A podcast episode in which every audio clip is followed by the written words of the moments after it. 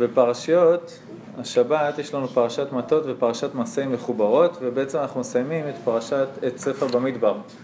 ספר מאוד משמעותי, גם לעם ישראל שהוא נוצר כעם, וגם לנו בחיים שלנו כל רגע ורגע, כמו שנראה בהמשך השיעור בעזרת השם. בפרשה באים בני ראובן ובני גד וחצי שבט המנשה, באים למשה רבנו ואומרים לו, אם מצאנו חן בעיניך, יותן את הארץ הזאת לעבדיך. אל תעבירנו את הירדן. עוברים בעבר הירדן המזרחי, בשתי גדות לירדן, זו שלנו וזו גם כן, אז אנחנו מעדיפים את השנייה ורוצים להישאר בחוץ לארץ. אני הייתי מצפה שמשה רבנו שבכה והתחנן והשתגע על ארץ ישראל, אמר לקדוש ברוך הוא, אני מוכן להיות ציפור בארץ ישראל, תעשה אותי ציפור רק כשאני אכנס לארץ. תן לי להיות עשב, תולעת בארץ ישראל, רק להיכנס לארץ ישראל. תבוא למשה רבנו עם הצעה כזאת, אומר לך, תסתובב, תכופף ובועט אותך, נכון? מה משה רבנו אומר להם? הוא נותן להם תנאים, תעזרו לנו לכבוש, יהיו חלוצים לפני אחיכם, אל תעזבו אותנו לבד, אבל אין שום בעיה, תשארו בחוץ. הזוי. אומר להם משה רבנו, אם תעשו את הדבר הזה, אם תחלצו לפני השם למלחמה, ונכבשה הארץ לפני השם ואחר תשבו, ייתן נקי מהשם ישראל, והייתה הארץ הזאת לכם לאחוזה לפני השם. אתה משאיר שניים וחצי שבטים בחוץ לארץ? מה נסגר? זה פלא מאוד גדול.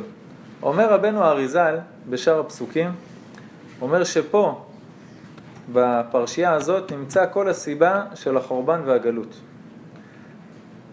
מה הסיבה? חוסר של קדושה. למה ראובן, גד וחצי שבט המנשה נשארו בחוץ לארץ? אנחנו יודעים, נעשה קצת סקירה טיפה יותר מוקדמת, אנחנו יודעים שאברהם אבינו, היו לו שני ילדים, נכון? יצחק וישמעאל. זה הבירור הראשון. הקדוש ברוך הוא אומר לאברהם אבינו, ביצחק יקרא לך זרע, ביצחק ולא כל יצחק.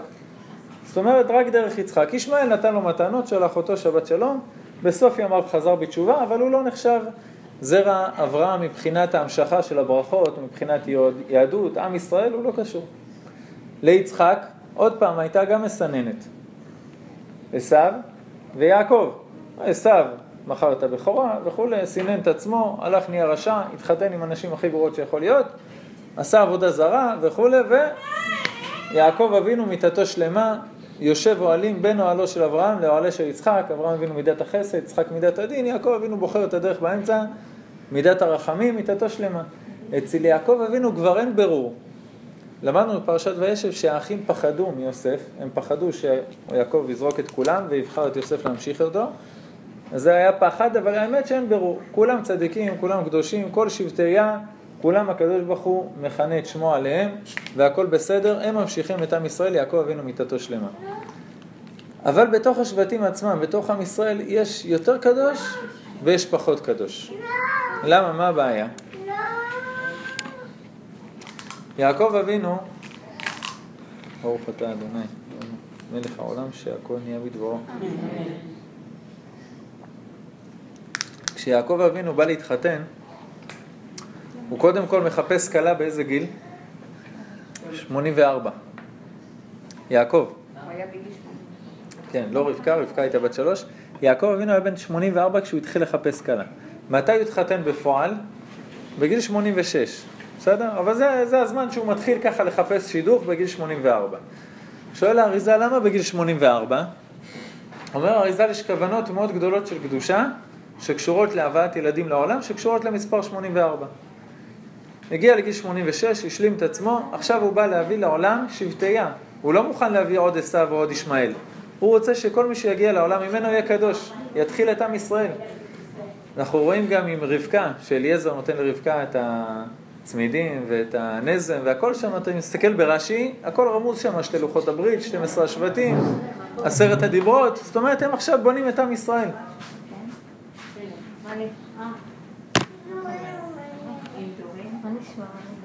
ברוכה הבאה. יש מקום? כן, כן. גם לה יש מקום? הבת שלי תשב שם בסוכה. שמחה. יעקב אבינו עכשיו בא להביא את עם ישראל לעולם. בסדר? הוא אומר לראובן, בכוריה אתה ראשית אוני. מה זה ראשית אוני? בפעם הראשונה, גיל 86, מביא את ראובן לעולם. יעקב אבינו בא עם כוונות מאוד גדולות, עם קדושה שהוא טיפח 84 שנים, עם תורה עצומה, הוא היה אה, חלק מהמרכבה של הקדוש ברוך הוא, עמוד התורה בעולם התפארת, תיתן אמת ליעקב שזה התורה, יעקב אבינו. הוא כשהוא בא עכשיו לבחור אישה, זה מישהי שאפשר להביא דרכה 12 שבטים. את מי הוא בוחר? את רחל. מבחינתו התחתן עם רחל. בלילה יעקב אבינו עושה את כל הכוונות, אבל רחל לא נמצאת. בבוקר קם והנה היא לאה. אז יש פה בעיה. בחתונה הזאת יש קצת בעיה. יעקב אבינו מצידו עשה הכל בסדר, רחל גם הייתה בסדר. ויתרה לאחותה, דבר מאוד גדול, בזכות זה הקדוש ברוך הוא יוציא אותנו מהגלות. אבל החתונה ביניהם לא משהו. למה? זה, הוא חשב על רחל והייתה לאה. יצא מזה ראובן. למדנו באחד השיעורים לפני שנתיים, איך הקדוש ברוך הוא סידר שכל הרוחניות שהייתה אמורה להגיע לראובן, שם אותה באיזה בנק והוריד אותה ליוסף, בגלל זה הוא קיבל שני שבטים, כי היה בכור וכולי ומלך. ראובן, ראובן, לא קיבל כלום. למה ראובן נשאר בעבר הירדן ולא נכנס לארץ ישראל? הייתה בעיה. בסדר, כשראובן ירד לעולם, יעקב אבינו חשב על רחל, וזאת הייתה לאה, הייתה בעיה קטנה. בעיה הכי קטנה של קדושה, שבט הזה מסונן מארץ ישראל. בסדר? ככה כותב האריזה. אחר כך, מה קורה עם גד? לאה יולדת ליעקב את ראובן, שמעון, לוי ויהודה, ורחל אין כלום. מה היא עושה רחל? באה ליעקב אבינו ואומרת לו, הנה אמתי בילה, בוא אליה ותלד על ברכי ויבנה גם אנוכי ממנה. האריזל כותב בסוגריים שרחל אומרת ליעקב, אבא שלי לבן לא כל כך הלך להתייעץ עם מקובלים לפני שהוא קרא לי שם, וכדאי שבשם של אישה שרוצה שיהיה לה ילדים, כדאי להוסיף את האות ה'. אומרת רחל, אין לי את האות ה' בשם, בוא תיקח את בלהה. כן, האריזל כותב, הא לכם זרע. האות ה' מאוד קשורה לזרע. הא לכם זרע, בוא תיקח את בילה, לבילה יש שתי ה', אולי יבנה גם אנוכי ממנה, כי בעצם היא שפחה שלה, היא קשורה אליה. אולי ה' אחת בשבילה, אחת בשבילי, באמת, אנחנו רואים שאחרי זה גם רחל ילדה. אולי בזכות זה, אולי לא. אבל יעקב אבינו מסכים, מה יעשה? רחל מבקשת, אין לה ילדים, מתחתן עם בילה, והשבטים שנולדים מבילה, שזה דן ונפתלי, שבטים כשרים, יש להם נחלה בארץ ישראל, הכל בסדר. אבל אחרי זה, כשלאה עומדת מלדת, והיא רואה שרחל נתנה את בלעה ליעקב, היא אומרת, אני גם אבוא ליעקב ואתן לו את זלפה, אבל יעקב לא יסכים. למה מה קרה? למה אתחתן עם השפחה שלך? יש לי ממך ילדים, הכל בסדר.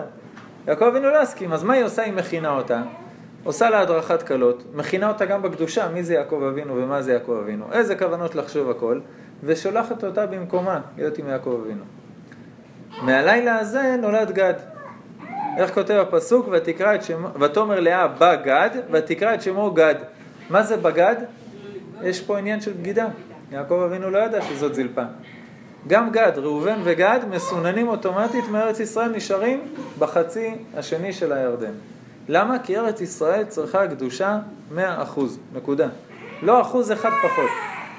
עכשיו, בן אדם פרטי ייכנס לארץ ישראל, ייקח כמה שנים עד שהוא ירצה לצאת חזרה, כן, לא, שחור לבן, בסדר. שבט עם נחלה לעולמי עד, שכל פעם שיבוא היובל, כל הנחלות יחזרו לשבט. לעולמי עד זה שבט שהוא אחוז בארץ ישראל לנצח, צריך להיות מאה אחוז קדוש. אז ראובן וגד שבת שלום. מה קורה עם מנשה? אם מנשה הוא בסדר, שיהיו כל השבט בארץ ישראל. אם הוא לא בסדר, שיהיו כולם בחוץ. מה זה חצי פה, חצי פה? מה זה החצי הזה? אומר אריזל דבר מדהים. אנחנו יודעים שכששכם חטף את דינה, אז היא אחרי זה לא הסכימה לחזור. היא אמרה לשמעון ולוי באים, עושים שם ג'ינוסייד, מטפלים שם בשכם, בעזרת השם בקרוב בימינו גם, עם כל הרוצחים שם. ואחרי שהם מסיימים את התיאור האתני הזה, הוא אומר לדינה, בואי, חזרה למשפחה, לאוהל. אומרת לו, לא מוכן, מי יתחתן איתי? הוא אומר לה, אני אתחתן איתך, שמעון. באמת שמעון התחתן עם דינה. אבל לפני שהילדים של שמעון ודינה הגיעו לעולם, הגיעה לעולם אסנת, שזה משכם ודינה. נכנסה להיריון וילדה את אסנת. אסנת מסכנה, כולם הסתכלו עליה בעין עקומה, זה לא נעים, בכל אופן. אז יעקב אבינו שם עליה טס של זהב עם, ה... עם כל הסיפור, ושהיא בת יעקב ושהיא קדושה והכל בסדר, ושלח אותה למצרים. יש מדרש שאומר שמלאכים לקחו אותה למצרים ביחד עם בתיה. מדרש מאוד מעניין מאיפה הנשמות של אסנת ובתיה הגיעו לעולם. הן כל, ממש לא קשורות לא לפרעה ולא לפוטיפרה, זה נשמות מאוד קדושות מזמן אדם הראשון, אבל בפשט. בפשט שלח אותה למצרים, ושם היא גדלה אצל פוטיפרה. יוסף הצדיק מגיע למצרים. בבית של פוטיפרה שם יש לו בעיות. נלחם פה ושם, ניסיונות, הכל, מגיע לכלא. אחרי שהוא יוצא מהכלא ונהיה משנה למלך, אוטומטית הוא נהיה הרווק הכי מבוקש במצרים. יוסף הצדיק, הדבר הכי יפה שהגיע לעולם, הכי צדיק וקדוש שיכול להיות בעולם, והוא משנה למלך. כל הנשים של מצרים עמדו על החומה, הרווקות, או שלא, לא יודע, וזרקו עליו דברים שהוא עבר במרכבת המשנה כדי שירים את העיניים. שיוסף הצדיק הוא יוסף הצדיק, הוא לא מרים את העיניים. גם אצל פוטיפרה בבית, הרשעה הזאת, שמה לו ברזלים בעפפיים, שלא יוכל לסגור את העיניים, והוא רוצה להוריד את הראש, שמה לו ברזל מתחת לצוואר. שלא יוכל לא להוריד את הראש ולא לסגור את העיניים. וכל יום הייתה מחליפה בגדים וכל העצות שם של היצרה. אז יוסף הצדיק עכשיו במרכבה, בלי ברזלים, מוריד את העיניים, הוא מסתכל על אף אחת, זורקות דברים, זורקות, לא מרים את העיניים. מקום כזה, כמו מצרים, עדיף לא להתחתן ולא, לא, ולא להרים את העיניים. עד שפתאום הוא חוטף בראש איזה טס של זהב, הוא מסתכל והוא רואה אותיות בעברית. מסתכל, רואה את השושלת המשפחתית, הוא מכיר את השושלת הזאת, הוא אומר, תעצרו את המרכבה, שולח אליה שליח, באמת, איתה אפשר להתחתן, זרע יעקב, הכל בסדר. עכשיו אומר האריזל, תסתכל על האיחוס. יוסף הצדיק הוא מאה אחוז קדושה, אין לו שום בעיה, הכל בסדר. אסנת היא חמישים חמישים. יש בה חמישים מדינה, שהיא בסדר, וחמישים משכם, שהיא לא בסדר. מהחמישים הטוב של יוסף והחמישים הטוב של, של אסנת, יוצא אפרים. מאה אחוז טהור, מגיע לארץ ישראל, הכל בסדר.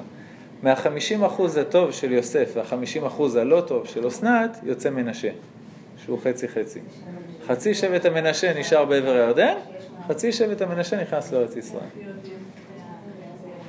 משה רבנו עשה בגורל על כל משפחות איפה הגורל שלהם בנחלה. רש"י שם כותב ברוח הקודש. זאת אומרת, אה, סומכים עליו. הם לא, הם, אין, ומה ראו שכל שבט ראובן לא בסדר, שבט גן לא בסדר, חצי מנשה לא בסדר, זה לא שהם לא בסדר, אבל הצינורות שהשבט הזה הגיע לעולם, השבט בתור שבט, אם מישהו מחצי שבט המנשה רצה לעבור דירה לארץ ישראל, אין בעיה, יכול לוותר על הנחלה שלו שם ולעבור דירה לפה, אין בעיה עם בן אדם פרטי, שבט שיהיה לו נחלה לנצח בארץ ישראל, צריך שזה יהיה שבט 100%. 99% קדושה זה 100% שקר. 99.999. למה? למה? למה? תיקחו את הנהגת האיחוד, הרמח"ל כותב שכשאתה אומר שמע ישראל השם אלוקינו השם אחד, אתה לא חושב רק שהוא אחד יחיד במציאות, זאת אומרת יש רק אותו, הוא אומר גם יחיד בשליטה, בסדר? מה שקרה לך במעלית, בחנייה, ברחוב, בכל החיים, זה גם השם, אין בן אדם אחר. השכן ממול שמציק לך, זה גם השם שלח אותו. יש טעות מאוד קשה שאנשים באים להתפלל השם, תיקח את השכן הזה מהעולם או מהבניין או... מי שלח אותו? מה אתה רוצה ממני? אני שלחתי אותו. תתפלל להשם שיעזור לך לתקן את הבעיה, שבגלל זה הבעיה הזאת הגיעה אליך. אם אתה חושב שיש בשמיים שני צדדים, שחור ולבן, הכוחות הטובים והכוחות הרעים, אה, איך קוראים לזה ביפנית, היאן ויאנג, הצורות האלה, זה בסין. זה כאילו שחור ולבן, כוחות האור מול כוחות החושך.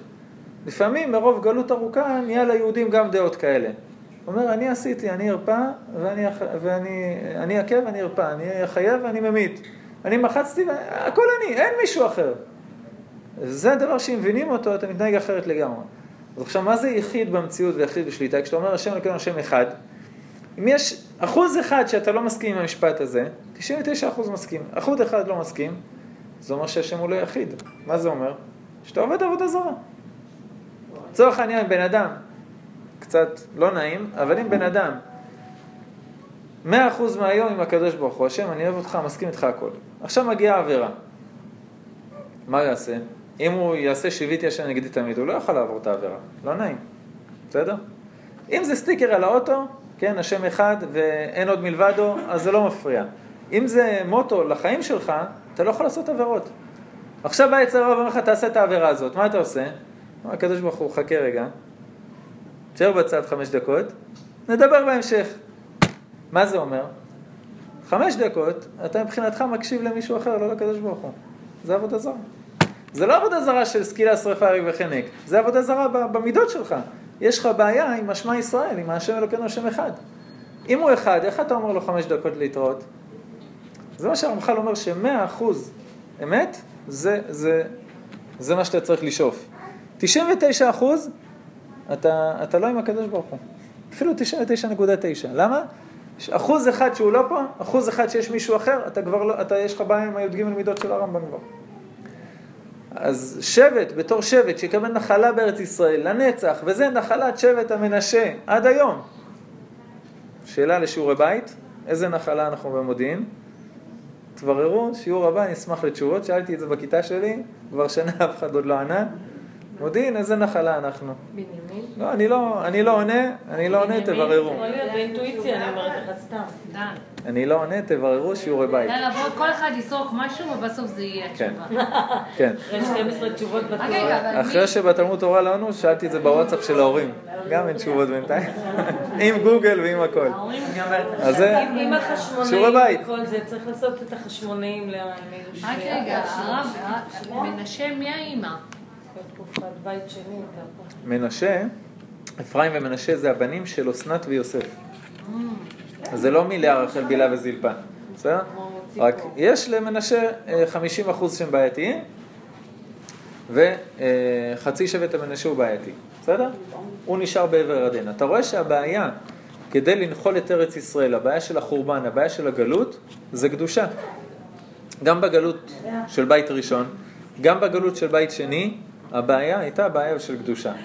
בית שני, הכהנים היו מקריבים קורבנות, ואחרי זה הולכים וזורקים דיסקוס ערומים באצטדיון היווני. הרומאי, בבית שני. אתה רואה שבית המקדש נחרב מבחינה של קדושה הרבה לפני שהרומאים הגיעו ושרפו אותו. בגלל זה יוצאת בת קול ואומרת לו, בית חרוב וחרבת, בית שרוף שרפת. הקדושה כבר נעלמה מזמן. עכשיו נשאר עצים ואבנים. עצים ואבנים זה, זה, זה יישבר מתישהו. אז זה זמן שהוא מאוד מאוד חשוב להתחזקות בדברים האלה, כי זה זמן שאנחנו בוכים על החורבן, זה זמן שאנחנו רוצים שייבנה בית המקדש, וצריך לחפש, לחפש את העניינים האלה דווקא של הקדושה. כשאדם מקדש את עצמו, זה לא שאני הולך עכשיו להחריב את הגוף. כשבן אדם משיג קדושה, זה כוחות של הגוף שהוא מעביר לחיי נצח. תבוא לגוף שלך, תגיד לו, אם אני אהיה יותר קדוש, אם אני יותר אעבוד על עצמי, יותר, לגוף יהיה יותר כיף, לגוף יהיה יותר שפע, לגוף, הגוף יהיה יותר בריא. ברגע שבן אדם עובר, עובד רק עם תאוות, הדבר הראשון שיהרס זה הגוף שלו. גם הנשמה, אין ספק, אבל הגוף גם יסבול מזה. אז זה, אם גם הגוף וגם הנשמה שמחים, באמת לא יהיה שום דבר שיפריע לך.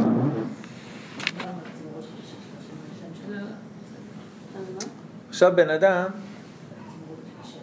שומע את זה ואומר, אם העניין זה קדושה, אז עכשיו אני עף על הקדושה בלי ברקסים. רק קדוש, קדוש, קדוש, מובדל, פרוש, אין עולם הזה, אין עבודה, אין חברים, אין אוכל, אין כלום. הולך למדבר, לוקח איתו חמת מים וכמה תמרים, ושבת שלום. כמו כת האיסי בבית שני. זה, קראת לזה טוב, זה כת. זה ממש לא הדרך של עם ישראל. כמה שקדושה זה חשוב, מה שהיו שייכים לעם ישראל. היו. זה בדיוק המילה, הם נכון, כת אבל, שהיו את שייכים. מגילת הנחושת ואת אה, נכון. הרבה מאוד אוצרות. נכון, נכון. נכון. אבל. אבל את מדברת אליהם בלשון עבר. עם ישראל, הם לא נשארו עם עם ישראל והם נכחדו. הרבה פעמים לאנשים יש כל מיני רעיונות שלא מופיעים בחז"ל, וזו הסיבה שהם אה, מתנפים מעם ישראל. הקדוש ברוך הוא מסנן אותם מעם ישראל. בפרשת מסה, אומר הפסוק, אלה מסה בני ישראל אשר יצאו מארץ מצרים לצבאותם ביד משה ואהרון. שואל אור החיים הקדוש, כתוב אלה מסה בני ישראל. מה אחרי זה התורה מפרטת לנו? את כל החניות. אז תחליט, אלה מסה, אז תגיד את המסעות. למה אתה אומר לי את החניות? וגם אשר יצאו מארץ מצרים. אלה מסה בני ישראל שיצאו מארץ מצרים. אומר אור החיים הקדוש, זה נראה מהלשון של הפסוק שבכל מסע ומסע יצאו מארץ מצרים. אבל זה לא נכון. יצאו מארץ מצרים, ואז הגיעו המסעות. לא הפוך. זה שאלות יפות של אור החיים הקדוש. אומר הבעל שם טוב, שכידוע אור החיים הקדוש היה הרב שלו, לא הפריע להם העובדה שהם לא נפגשו לעולם בשיעורים. אה, זה לא פלא, המורה השני של הבעל שם טוב זה אחיה השילוני, שהיה הרב של אליהו הנביא שלושת אלפים שנה לפני זה. אז זה בסדר, זה גם לא הפריע לבעל שם טוב. אומר הבעל שם טוב, המסעות האלה נמצאים גם בחיים של כל יהודי ויהודי, מהרגע שהוא נולד עד גיל 120 בעזרת השם, וזה מסעות רוחניים שהוא יעבור. המסעות שעם ישראל עברו במדבר, אנחנו יודעים שמעשה אבות סימן לבנים, אותו דבר כל יהודי ויהודי יש לו תחנות בחיים ומסעות בחיים שהוא בדרך לקדושה. בעבודת השם, דבר שמאוד מאוד חשוב להדגיש, הדגש הוא לא על ההגעה, הדגש הוא על הדרך. אם אני אצא עכשיו לטיול עם המשפחה בשביל ישראל, ויעצור איזה ג'יפ ויגיד לי, אתה רוצה טרמפ? אני אקח אותך לקצה המסלול. לא נשמה טהורה, אני יכלתי להישאר בבית. אני לא צריך להגיע לקצה המסלול, אני צריך ליהנות מהטיול עד לקצה המסלול. אם יבוא בן אדם ויגיד לכם, אליהו הנביא לצורך העניין, או בבא סאלי, כל בן אדם יגיד לכם, אני עכשיו לוקח אתכם לרמה של הקדושה שתגיעו בגיל 120, עבודת המידות, קדושה, התקרבות להשם, ותישארו ברמה הזאת מעכשיו ועד 120 בנחת ושרה ולא תצטרכו לעבוד. אם תגידו כן, זה אומר שאתם לא מבינים מה אנחנו עושים פה בעולם. בסדר? הנה, ברוכה הבאה. יש מקום? כל אחד והתחום שהוא עוסק. אם יש לי טיפול כל וזה הכי לא, אני חשוב ידעתי, זה ה... זה גם הכי בדיוק יפה. על זה אנחנו מדברים. זה גם הכי. זה חשוב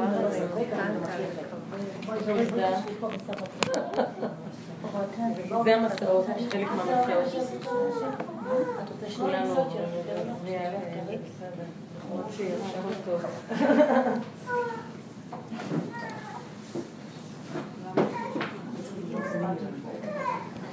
העיקר זה הדרך. מה זה אומר שהעיקר זה הדרך? זה אומר שאף פעם, אף פעם אל תתפתה לקיצורי דרך מצד אחד, כן? אה, רב מקובל שיבוא אליך, יגיד לך, תיתן לי 120 שקל כפול 12 חודשים, ואני אסדר לך את כל הבעיות. הבעיה הראשונה שהוא יסדר לך זה להיפטר מהמשקל של הכסף בכיס, ואחרי זה עוד, אה, עוד כל מיני סידורים כאלה ואחרים. אין דבר כזה קיצורי דרך ברוחניות. דבר שמאוד חשוב להבין, כשרב, יש לבן אדם בעיה והוא מקבל ברכה מרב, יכול להיות שזו ברכה קטנה ויתקדם אותו טיפה, אבל גם אם זה הבבא סאלי וזה יקדם אותו מאוד וזו ברכה רצינית, הברכה רק דוחה את הפורענות. ברכה של צדיק לא מבטלת בעיה. כי הקדוש ברוך הוא לא פראייר, הוא לא נתן בעיות לבן אדם סתם כדי שילך לצדיקים. אתה יכול להגיד, השם, אני צריך עוד איזה שנתיים, שלוש בשביל לעבוד על המידה הזאת, כדי לפתור את הבעיה שנתת לי, אז אני הולך לצדיק, מבקש ממנו ברכה, וזה יחכה שנתיים, שלוש. וזה יחזור. זה יחזור, למה? כי הקדוש ברוך הוא רוצה שתתק... את הדחייה. דחייה, לגמרי. מה שאני אומר זה עם מקורות, רק אני אומר את זה במילים שלי. ככה המקובלים כותבים. הקדוש ברוך הוא כשהוא נותן לך בעיה, הוא לא נותן את זה סתם. זה או צריך לכפר על עוונות שעשית, או על עוונות שעשית בגלגולים אחרים, או שזה לא קשור אליך, זה קשור לגאולה של עם ישראל. אבל זה לא סתם. רק שנייה, שנייה. גם אני הייתי בהלם כשקראתי את זה. כשהקדוש ברוך הוא נותן לך משהו, לא יעזור ללכת לצדיק ולבקש ברכה. למה? זה ייתן לך דחייה. זה יעזור, תלך. ואם תבקש המון המון ברכות, זאת אומרת שיהיה לך הרבה זמן לטפל בזה. אבל אתה לא יכול להתעלם מהבעיה. בן אדם הולך לצדיקים וממשיך אותו דבר, והולך לעוד צדיקים וממשיך אותו דבר, הולך לצדיקים, הוא יהיה, בעיה, הוא יהיה בסוף בבעיה מאוד קשה. יהיה לו ערימה של תיקונים לעשות שהוא לא עשה כלום. הוא רק דחה ודחה ודחה. מה, את רוצה לשאול שאלה? לתיקון, אז לא צריך את הבעיה. אוקיי, וכשמתפללים, נגיד, בא לבן אדם צרה והוא מתפלל, מתפלל, ודי, שם, אז מה זה גם? אבל אולי אה, אה, התחילה. אה, ההתחלה היא כבר טעות. צריך להתפלל לפני שמגיעה הצרה. ככה כותב האור חיים הקדוש. לא לחכות, לא, זה חשוב להדגיש. לא לחכות שתבוא צרה, ואז להתפלל. האור חיים הקדוש, פרשה שעברה, אומר בפירוש שלו, צרה שכבר מגיעה, נגזרה, ירדה לעולם, מגיעה אליך, אתה רואה את זה בתוצאות של הקופת חולים חס וחלילה, התפילה תהיה מאוד מאוד מאוד קשה להיפטר מזה. ותתפלל לפני שהדברים מגיעים. אומרת, כל יום, הלוואי יתפלל אדם כל היום כולו. כל יום תתפלל כל מה שאתה יכול, בסדר? וככה אתה חוסך, ככה צדיקים עושים. הקדוש ברוך הוא יודע שהצדיק, הוא לא יעזוב אותו אחרי שהבעיה תיפתר. צדיק יתפלל אליו כל יום, כל היום, כמה שרק אפשר יהיה דבוק בו. אז הוא רגוע, הקדוש ברוך הוא רגוע. לנו הוא יודע שאם לא תהיה בעיה, אנחנו נשכח אותו קצת. אז אנחנו מקבלים קצת יותר תיקונים מהצדיקים. אבל זה מאוד חשוב להבין, השם לא שולח דברים סתם, בסדר? אז זה הבנה מאוד חשובה, אין קיצורי דרך ברוחניות. אני רוצה לשאול, איך בן אדם יודע, סליחה, לא, לא, זה בסדר. כן. איך בן אדם יודע אם הוא תיקן אה, את המשהו לא. קודם כל הגמרא, הגמרא נותנת אמון מלא באדם שהוא יודע לעשות לבד חשבון נפש. הגמרא כותבת אם באים עליך איסורים, יפשפש במעשיו. בסדר? ואם הוא לא מוצא, יתלה בביטול תורה. אם הוא לא יוצא ביטול תורה, בידוע שהם איסורים של אהבה. אני לא יודע אם יש בן אדם בדור הזה שיגיע לשלב השני, של הלא מוצא ויתלה בביטול תורה. בסדר? אני לא יודע. מה זה לא רוצה בביטול? לא מוצא שום עבירה שהוא עובר עליה. לא מוצא שום דבר טוב שהוא צריך לעשות אותו ומתעצל שהשם לא רוצה לקדם אותו. אני אומר, כולם ייתקעו בשלב הראשון. רק, מה הבעיה שלנו? איזה מהדברים נתקן קודם? זה שאלה ש- לתקן שאולי... לכל אורך הדרך, יש לנו כל כך הרבה צורות לתקן. זה מה שאמרתי, לתקן ולהתפלל לא לחשוב והכל, לפני שמגיעה הבעיה. טובים, בדיוק. גם ירמיהו אומר, תהיו כתאנים הטובות. פחות להיות, לדעתי, פולחן אלילים, אני לא אוהבת את זה. אני חושבת שלכל אורך הדרך לעשות מעשים טובים, לחשוב מחשבות טובות, לעשות, לא לחשוב מה אני צריך לתקן. לא צריך את זה, בגלל זה מוחקים לנו את הגלגולים. מה? מה הכוונה רגע? מה הכוונה לא לחשוב מה צריך לתקן? כי, כי כשמגיעה בעיה, אז אתה צריך לפתור אותה בצורה מוסרית ובצורה הכי טובה שאתה יכול, נכון?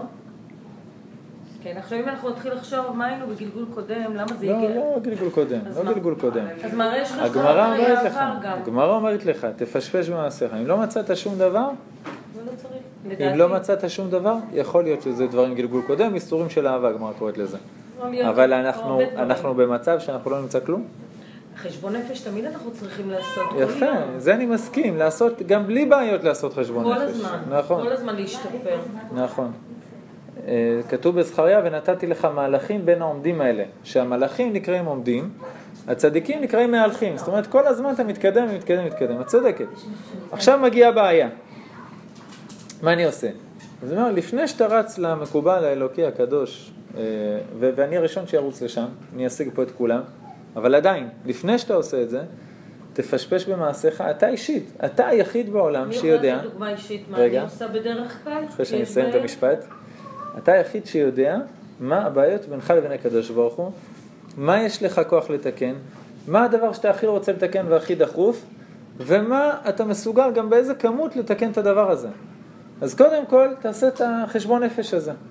מצאת מה אתה צריך, אם לא מצאת או מצאת יותר מדי דברים, אתה יכול ללכת לרב, לשאול אותו, הרב, בוא נעבור לשולחן ערוך, נראה מה הקדוש ברוך הוא רוצה ממני יותר דחוף, מה דאורייתא, מה דרבנן, מה גזרות, מה מנהגים, אבל החשבון נפש הזה הוא קריטי, דבר ראשון שאתה תעשה עם עצמך. אחרי שמצאת, תלך לצדיק, תגיד לו, הרב, אני צריך ברכה לכוחות נפש, אני צריך ברכה ליראת שמיים, צריך ברכה שהגזרה הזאת תידחה, תתבטל, מה שרק אפשר, ותתחיל לעבוד ברצינות על מה שהגעת אליו, מה שמצאת. אם בן אדם הולך רק לצדיק ומבקש ברכה, גם אם זה צדיק אמת, שזה נדיר, באמת, יש כאלה, אבל זה נדיר בין כל אלה המפורסמים, עדיין, תתקן את הבעיה, לא יעזור לך לבוא, זה כמו שיש לך נורה של חום מנוע, אתה הולך לצדיק ומכבה את הנורה, המנוע עומד להתפוצץ, בסדר? זה נקודה שמאוד חשוב להבין. מה שרציתי לומר, שבדרך כלל לכל אחד ואחד מאיתנו, איפה שהקושי שלנו, בדרך כלל זה התיקון. והרבה פעמים בעיות חוזרות על עצמן בוורסיות שונות, כדי שאנחנו נשנה את התגובה שלנו לבעיה. כש, כשחוזרת בעיה שכבר הייתה בעבר, לנסות לשנות את התגובה הפעם לתגובה אחרת. ואז לראות תוצאות שונות. אם מסכים. נגיד בן אדם שאין לו שליטה, נגיד סתם על היצרים או משהו כזה, ויש לו איזושהי, שוב אותה בעיה, הפעם הוא כן ישלוט, הפעם הוא יתנהג אחרת, התוצאה תהיה אחרת. לאט לאט הוא יראה את השינוי. זה עבודה פנימית, כל הזמן. בדיוק. מסכים. יש לפעמים את הבעיה של לא לעשות כלום, בסדר? כמו משל של האופניים, שאם קל לך כנראה שאתה בירידה, ואם אתה לא עושה כלום אז אתה נופל. מעניין שקליפה זה אותיות קל יפה. כל מה שקל, יפה וסבבה וזורם, תהיה חשדן. אתה בירידה. כן, כן, נכון. נכון? אז אה, צריך לעבוד, צריך לעבוד. הדרך הארוכה היא הדרך הקצרה. מצד שני, בן אדם ש, שמקשיב לשיעור כמו שהתחלנו, שהקדושה זה דבר מאוד חשוב, וארץ ישראל וכולי, לפעמים הוא יבוא וינסה לבלוע את כל העולם בבת אחת. הרבה פעמים העץ הרע הוא מוריד את הקרניים ואת הקלשון ושם אותו בצד, לובש תפילין וטלית, זקן כמו של אליהו הנביא, ובא אליך ומייעץ לך עצות שנשמע לך שהן טובות.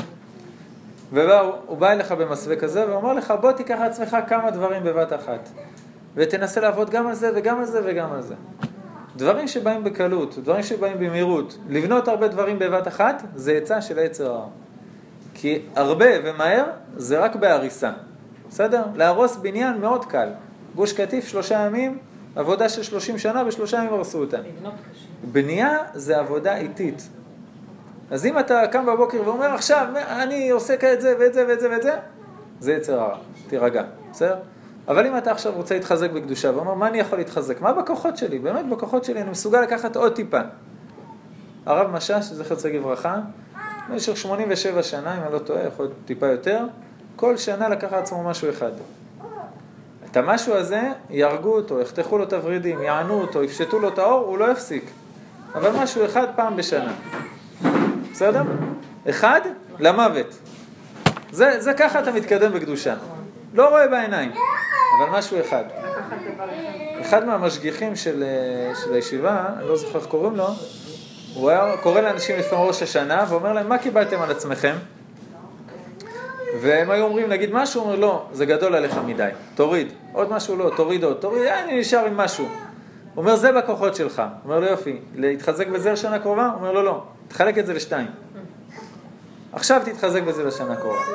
למה? כי בן אדם, ראש השנה, אלול, יום כיפור, כולו אש בעננים. בוא נראה אותך בחשוון עובד על זה. כל האש, כל הרעש, כל הצלצולים ירד, אתה בשגרה, אתה כולך שחוק. אתה תישבר, זה לא ריאלי, זה לא אתה. אז יא מוריד, מוריד, מוריד, מחלק לשתיים, עכשיו בוא תתחיל להתמודד עם זה. ועדיין כל השנה אנשים אומרים, אה, אני לא מצליח, זה קשה לי, זה... גם ממה שלקחו על עצמם כבר ככה. אז לא לבלוע את כל העולם בבת אחת. אומר הבעל שם טוב, בחיים יהיו לך מסעות כמו במדבר. כי זה עולם שהוא, מי שבא לפה כדי לנוח, רוצה טעות. כן, התבאס, כל החיים התבאס. לא להתבלבל בין שלווה לבין מנוחה. לשלווה אתה יכול להגיע. אתה יכול לעבוד קשה, אתה יכול לעשות מה שאתה רוצה, תחביבים, ילדים, קריירה, הכל, ולהיות בשלווה, להיות שמח ומאושר במה שאתה עושה. מנוחה זה משהו שמהחטא של אדם הראשון נסגר העניין. מנוחה לא תהיה פה בעולם.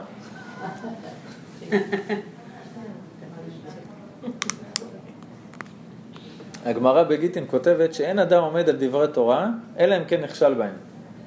מתי אתה מבין באמת את הדבר תורה של חז"ל, את הגדר שהם נתנו לך לגדור? מתי שאתה נכשל.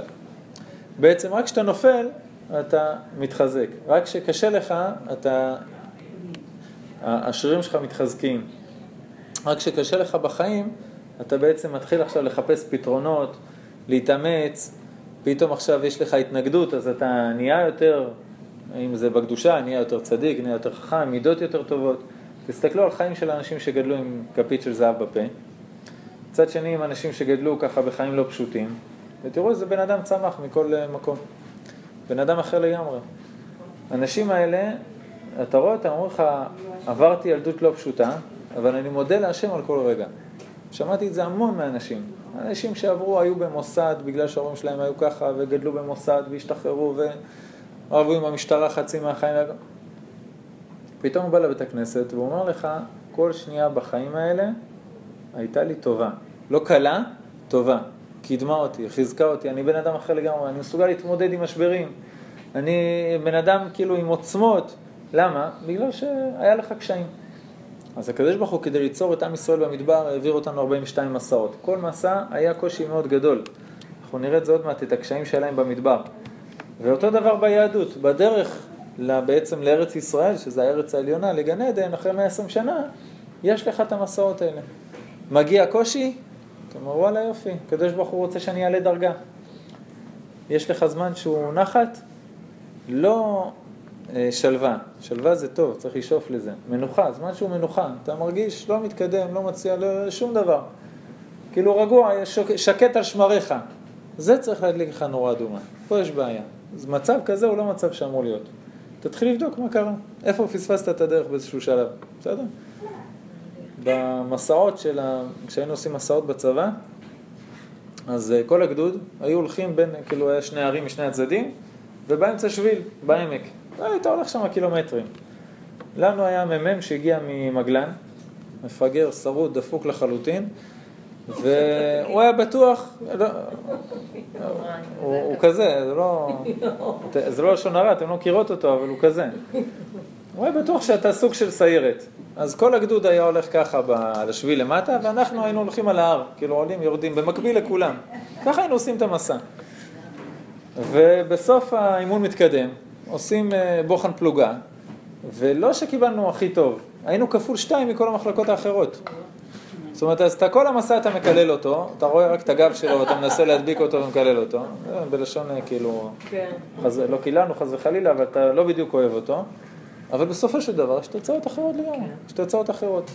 אז בן אדם עכשיו זכה להיוולד יהודי, זכה לעבור מסעות, הוא מגיע עכשיו להר, ההר הזה הולך לקדם אותו, ההר הזה הולך לכפר לו על דברים, להביא את הגאולה, והוא מתבאס.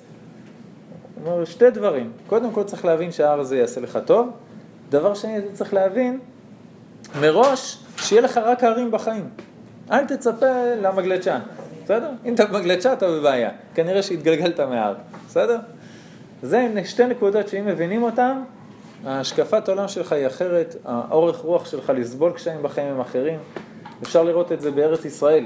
אנשים שהגיעו לארץ בשביל ביטחון ושלווה ואיש תחת גפנו ותחת עינתו, כל משבר, כל קטיושה, כל אזעקה בדרום, כל בעיה עם איראן, עם החמאס, עם החיזבאללה או עם ירדן, או עם המחבלים פה בתוכנו, הוא מתבאס, וואי, זה קשה, ואין לי כוח, ומה נעשה, ו- והמצב על הפנים, ובוא נחליף ראש הממשלה.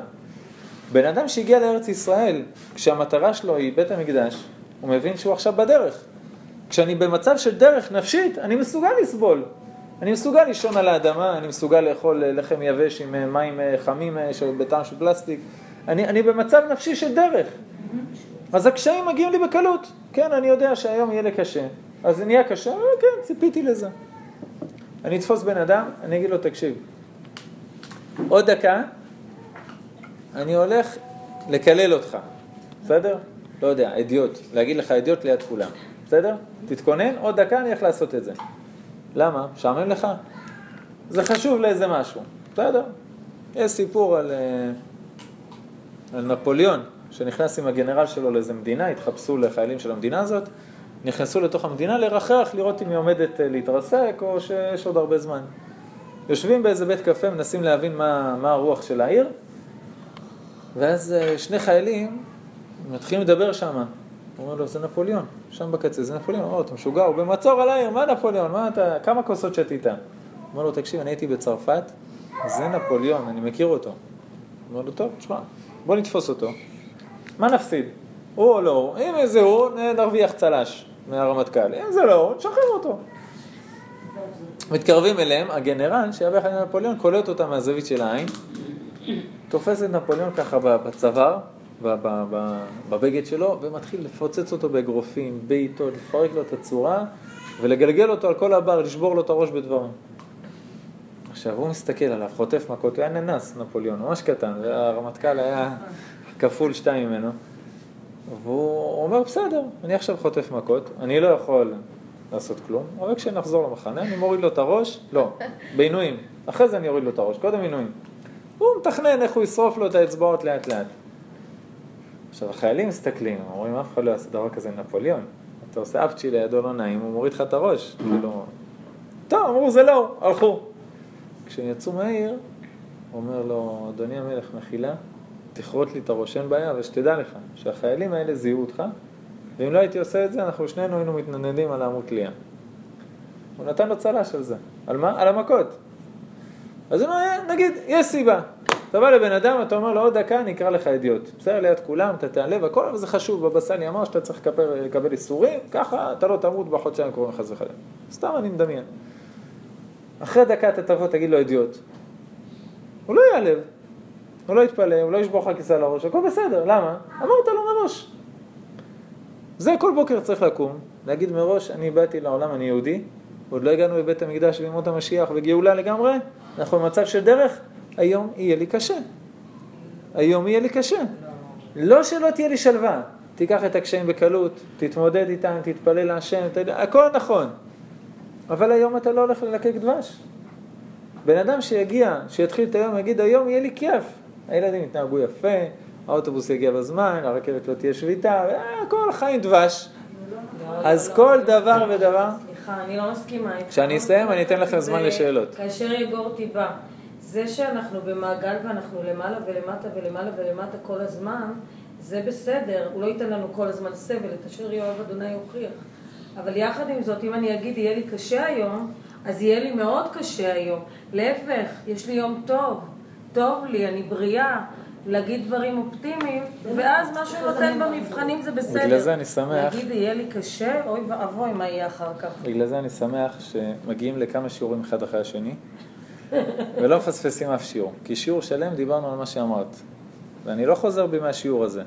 להתחיל את היום בשיא האופטימיות, תפילה להשם, הכל יהיה דבש היום הזה, הכל נכון. עכשיו אני אדלק, אני אדייק במילים שלי, כן, הקושי, עוד פעם. לא לא. שלווה, כן. לא יהיה סבל היום, לא יהיה. אה, החיים שלי דבש, מעולה. אבל החיים של דבש ושלווה והכל של יהודי, זה קשיים שהוא צריך להתגבר עליהם. אותו יפה מאוד. לא, אני יודע שאנחנו מסכימים, בגלל זה אני מדייק. לא שיהיה עכשיו פיגוע באוטובוס שאני אגיע חס וחלילה. אבל יהיה לי דברים שיהיה לי בהם יצר הרע, יהיה לי דברים שלא יסתדרו, יהיה לי ניסיונות.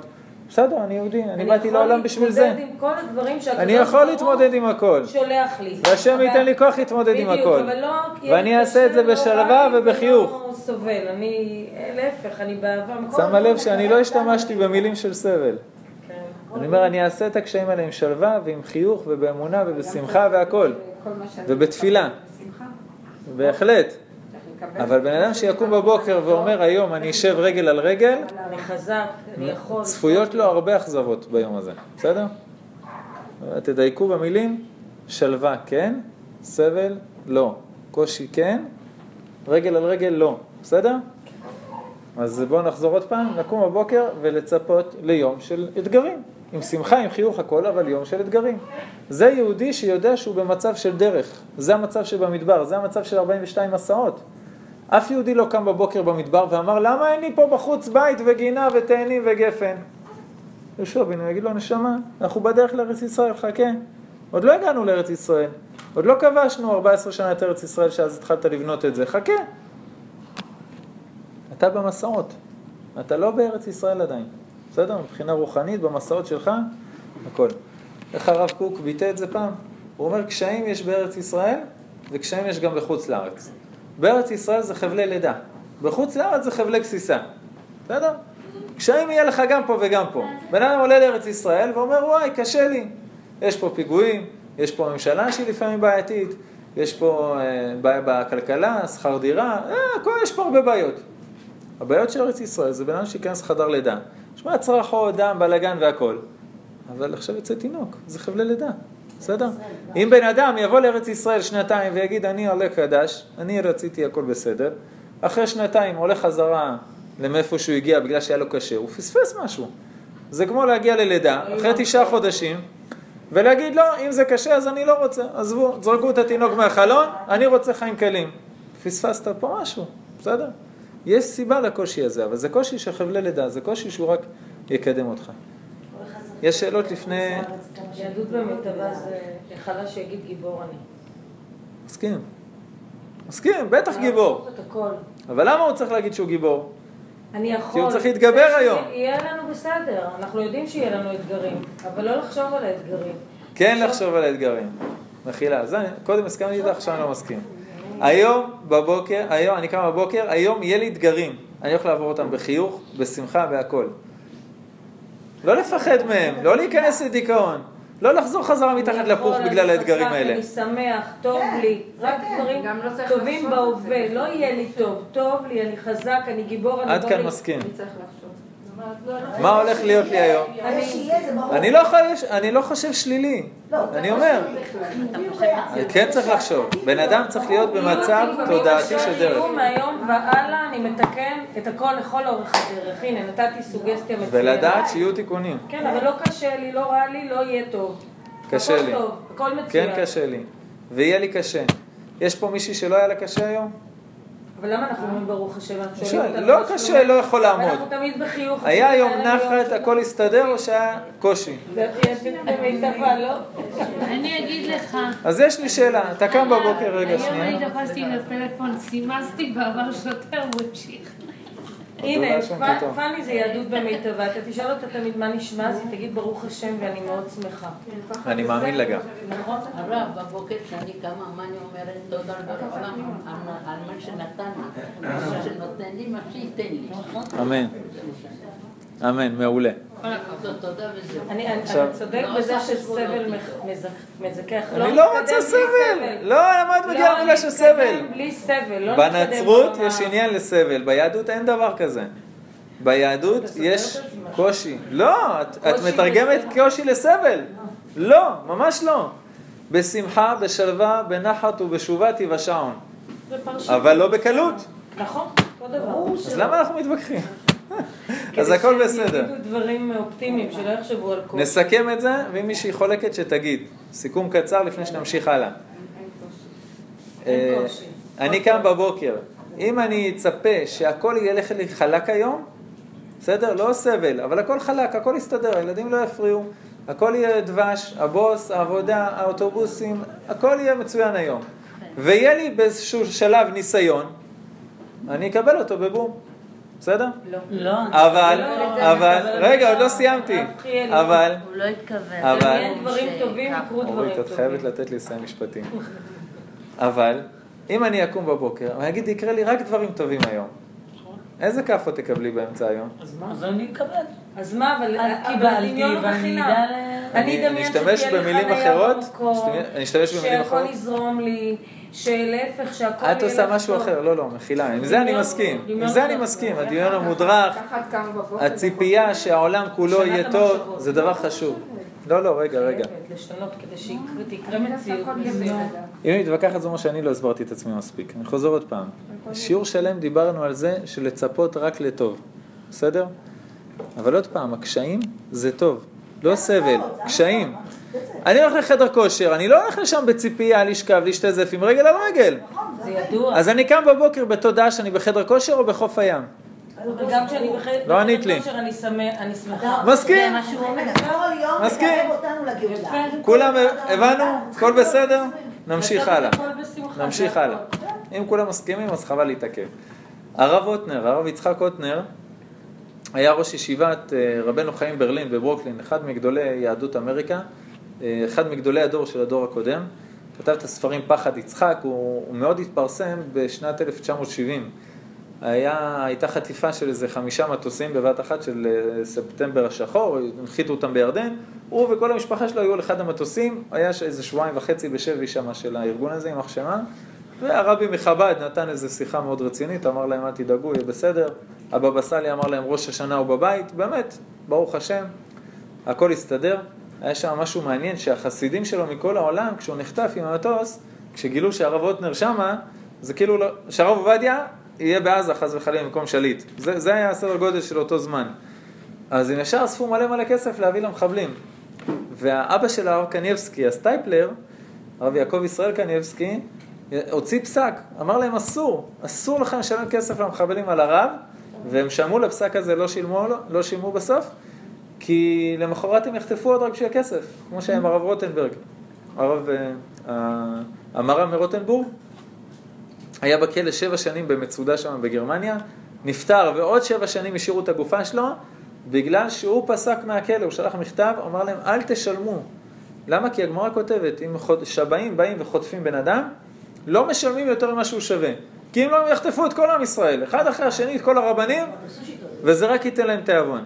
שבע שנים היה בכלא חי, עוד שבע שנים אחרי זה בתור גופה, ורק אחרי 14 שנה איזה עשיר אחד גדול שילם הרבה כסף, ובסוף הם נקברו גם אחד ליד השני.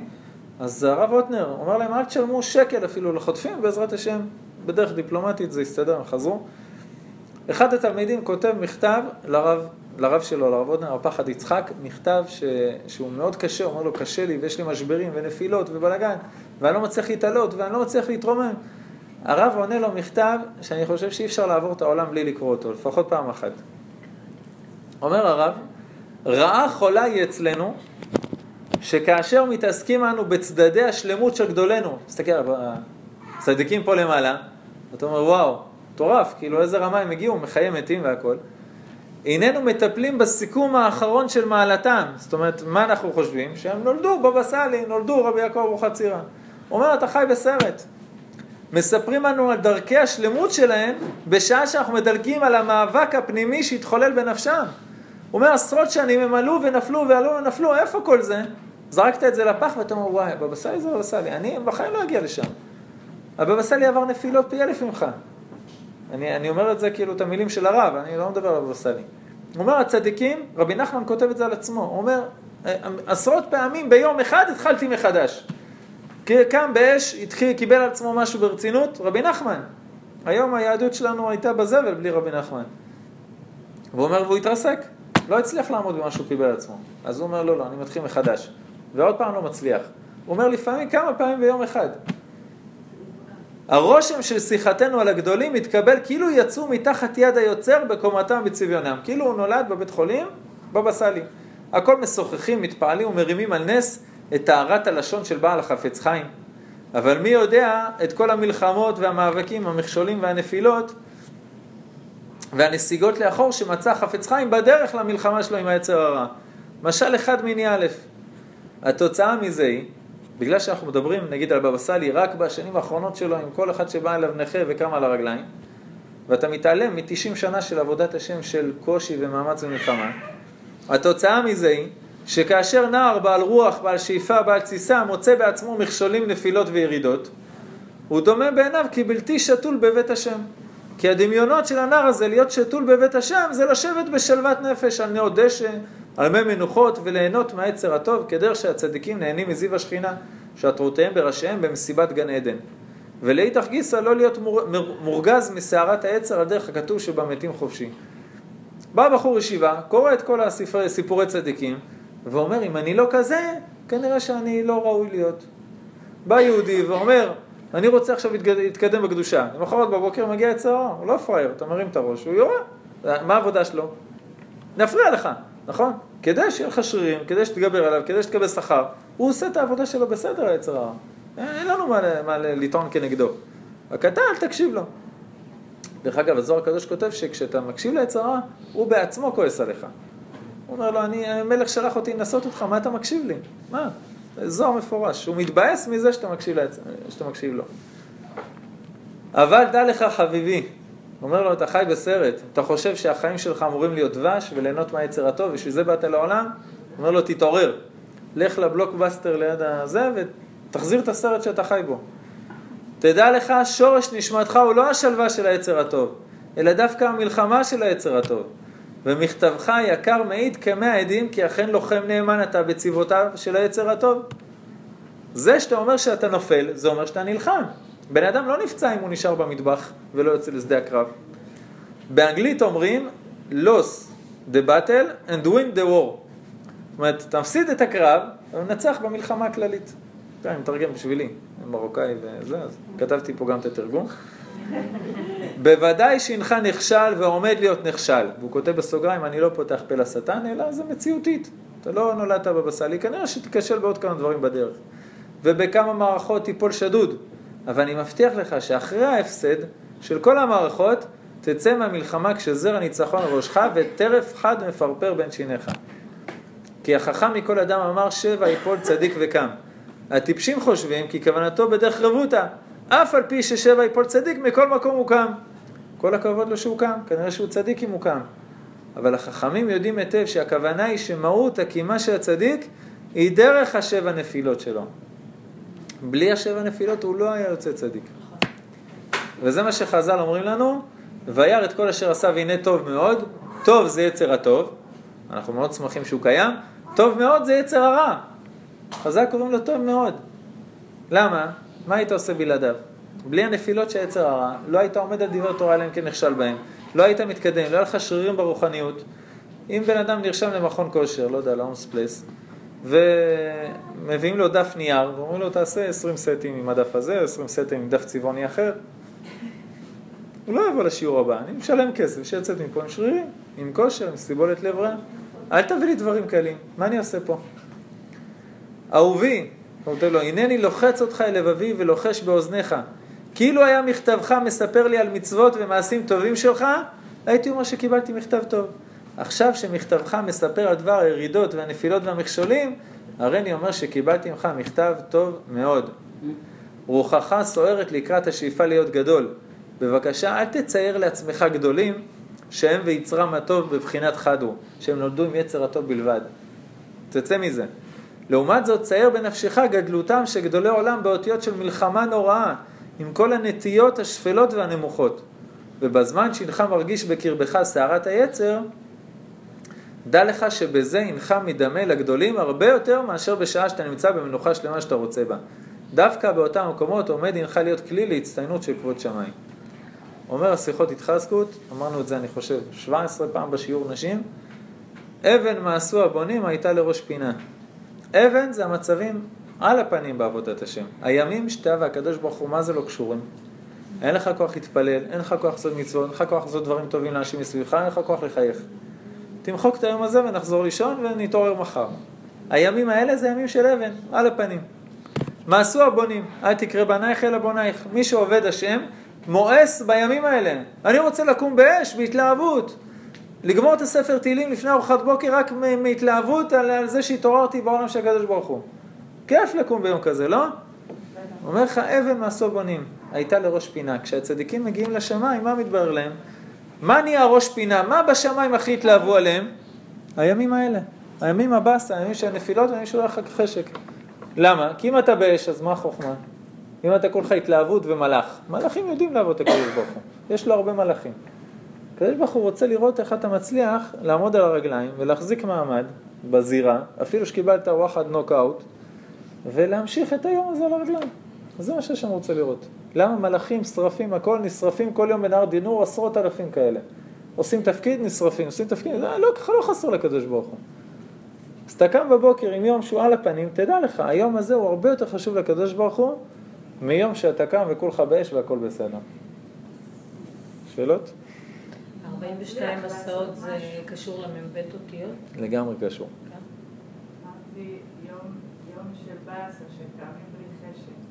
הוא לא נחשב בשמיים משהו אם הבן אדם נשאר בלי חשק, אם הוא מצליח להתגבר. זה מה שאמרתי עכשיו?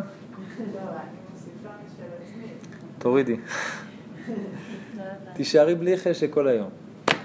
זה עדיין יהיה היום הכי חשוב בשמיים לקדוש ברוך הוא, וזה יהיה ראש פינה. אבן מסבוני, מעשו הבונים. לא התחזקתי עם היום הזה, לא הצלחתי לעמוד על רגליים, וסיימתי את היום הזה עם נוקאוט על הרצפה של הזירה מדמם. בחיים. הייתה לראש פינה, אני אומר נגיד, לא, לא, לא לשאוף להגיע למצב הזה, אבל סיימת את היום ככה, חס וחלילה, הייתה לראש פינה. הקדוש ברוך הוא מאוד חשוב לו הימים האלה, מאוד. בסדר?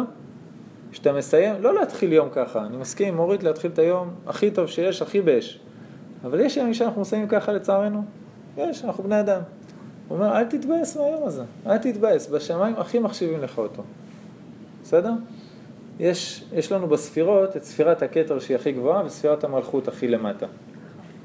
אומר רבי נחמן דבר מדהים. הוא אומר מהכתר, לאן אתה יכול להגיע? חוכמה, בינה, הספירות הכי גבוהות קשורות לכתר, זה המוחין, זה העולם הבא, זה... סליחה, זה הרבה מעל עולם הבא, נכון?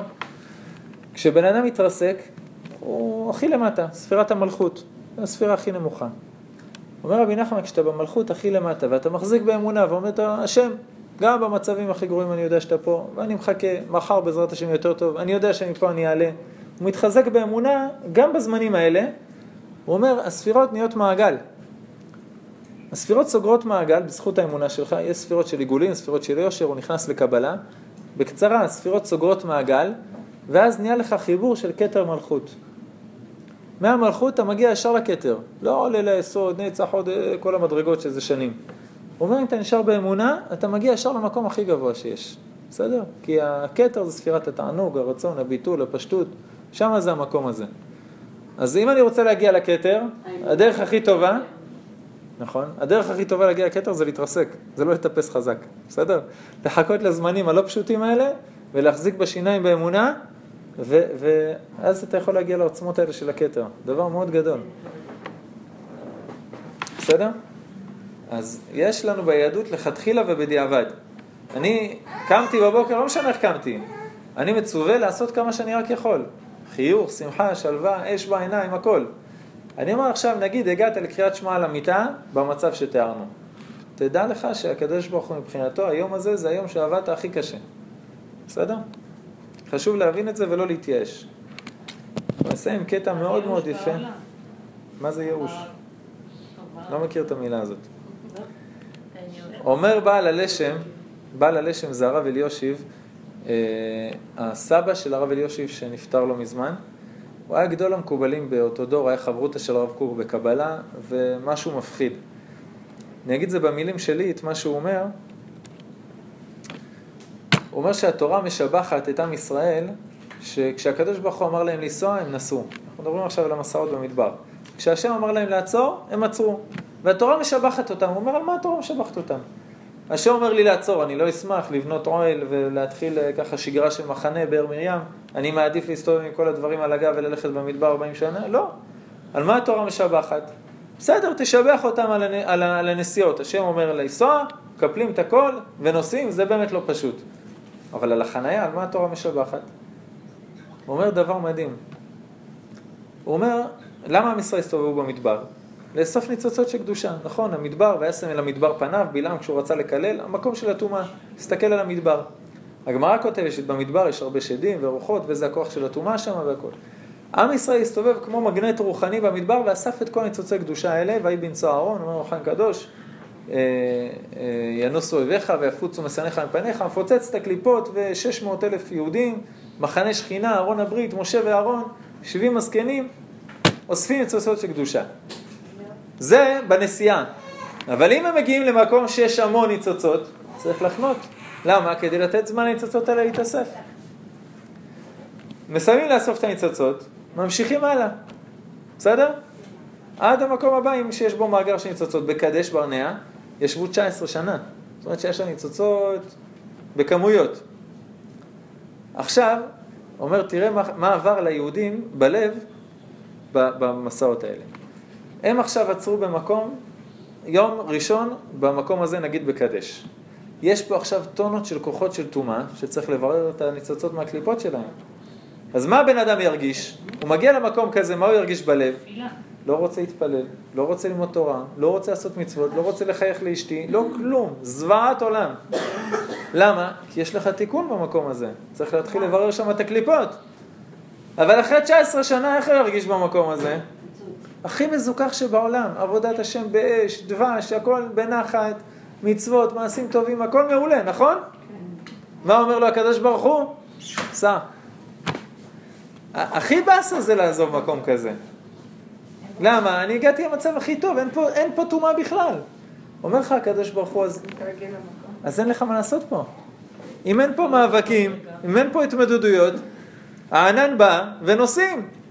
ואז עוד פעם עכשיו עוצרים במקום, עוד פעם מחדש כל התהליך. צריך עכשיו לאסוף ניצוצות ולהיתקל בכל הבאסה והעצבות והדיכאון והחוסר חשק, אבל יש לך עכשיו מסע חדש. לאט לאט אתה מתגבר על עצמך, נהיה עבודת השם באש, בא לך להתפלל, הולך כל היום לשיעור של משה רבנו, אומר לך, הקדוש ברוך הוא שם מפה, יש לך עוד תחנה. הוא אומר, תדע לך, ככה בעל הלשם, הוא אומר, זה מתוק, מתוק. הוא אומר, אתה מחבר את הלשם עם הבעל שם טוב, שהמסעות האלה זה החיים שלנו, יוצא שבחיים שלך סיימת התמודדות, הקדוש ברוך הוא לא ישאיר אותך שם. ביקש יעקב אבינו יושב בשלווה, קפץ על אורגזו של עשיו. ביקש לשב בשלווה, קפץ על אורגזו של יוסף. הקדוש ברוך הוא אומר, אני הורדתי נשמה כמו יעקב לעולם, לא בשביל שישב בשקט. סיימת את ההתמודדות עם המקום הזה, עם המצב הזה של החיים, עם הילד הזה, עם העבודה הזאת? עכשיו הכל בסדר, הכל נוח, הכל יסתדר? סע. יש לך עוד תחנה. עכשיו אתה תגיע לעוד מצב. כמה תחנות עברתי בינתיים, כמה השתבח שמו לעד. אנחנו מקווים שהתחנה הסופית בעזרת השם זה בגיל 120 בעזרת השם. אבל המסעות האלה, המסעות האלה אתה יכול לעלות כיתה ואתה יכול גם לרדת כיתה. כן. עכשיו את כבר לא אופטימית? אני תמיד אופטימית. נו, למה לרדת? אבל אני אומרת, לרדת כשאתה לא דינמי, כשאתה לא עושה. אבל זה כשאתה אומרים קם. נופל. נכון, אבל הרבה פעמים, הרבה פעמים אנשים עושים טעויות והולכים אחורה. בסדר, לומדים. בעזרת השם. אבל כדאי- דוד המלך, את צודקת לגמרי. דוד המלך היה חי במצב כזה, תקשיבו טוב. אם אבוא באוהל ביתי, אם אעלה על ארץ יצואי, אם אתן שנת לעיניי לעפפיי תנומה. לא נח, אין, אין מנוחה. עד אמצא מקום להשם משכנות לאביר יעקב. עד שהקדוש ברוך הוא לא ינוח, אני לא נח. זה מצב של דרך, זה מצב נורמלי של יהודי. והרמב"ן מסיים את פרשת, את ספר במדבר, נגיד את המילים שלו ככה, מילים כל כך מתוקות שהוא בחר לסיים בהם את כל הפירוש של במדבר.